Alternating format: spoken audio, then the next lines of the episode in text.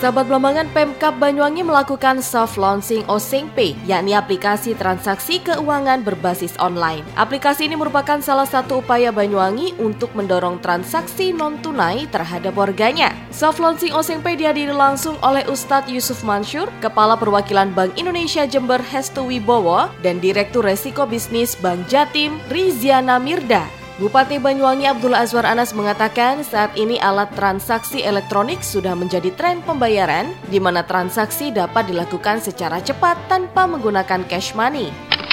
Kita hari ini kita juga launching namanya Using Pay, sebuah sistem pembayaran eh, dompet elektronik seperti eh, seperti Alipay di Cina.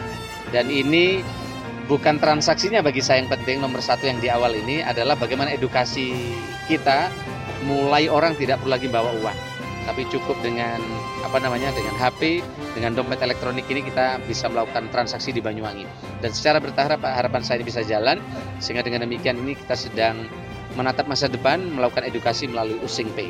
Ingat yang kita pilih bukan Banyuwangi Pay tapi Using Pay. Bahwa lokal wisdom itu yang menjadi kekuatan dari Banyuwangi dengan uh, Using menjadi salah satu brand bukan hanya budaya tapi brand transaksi Eh, modern pada saat ini.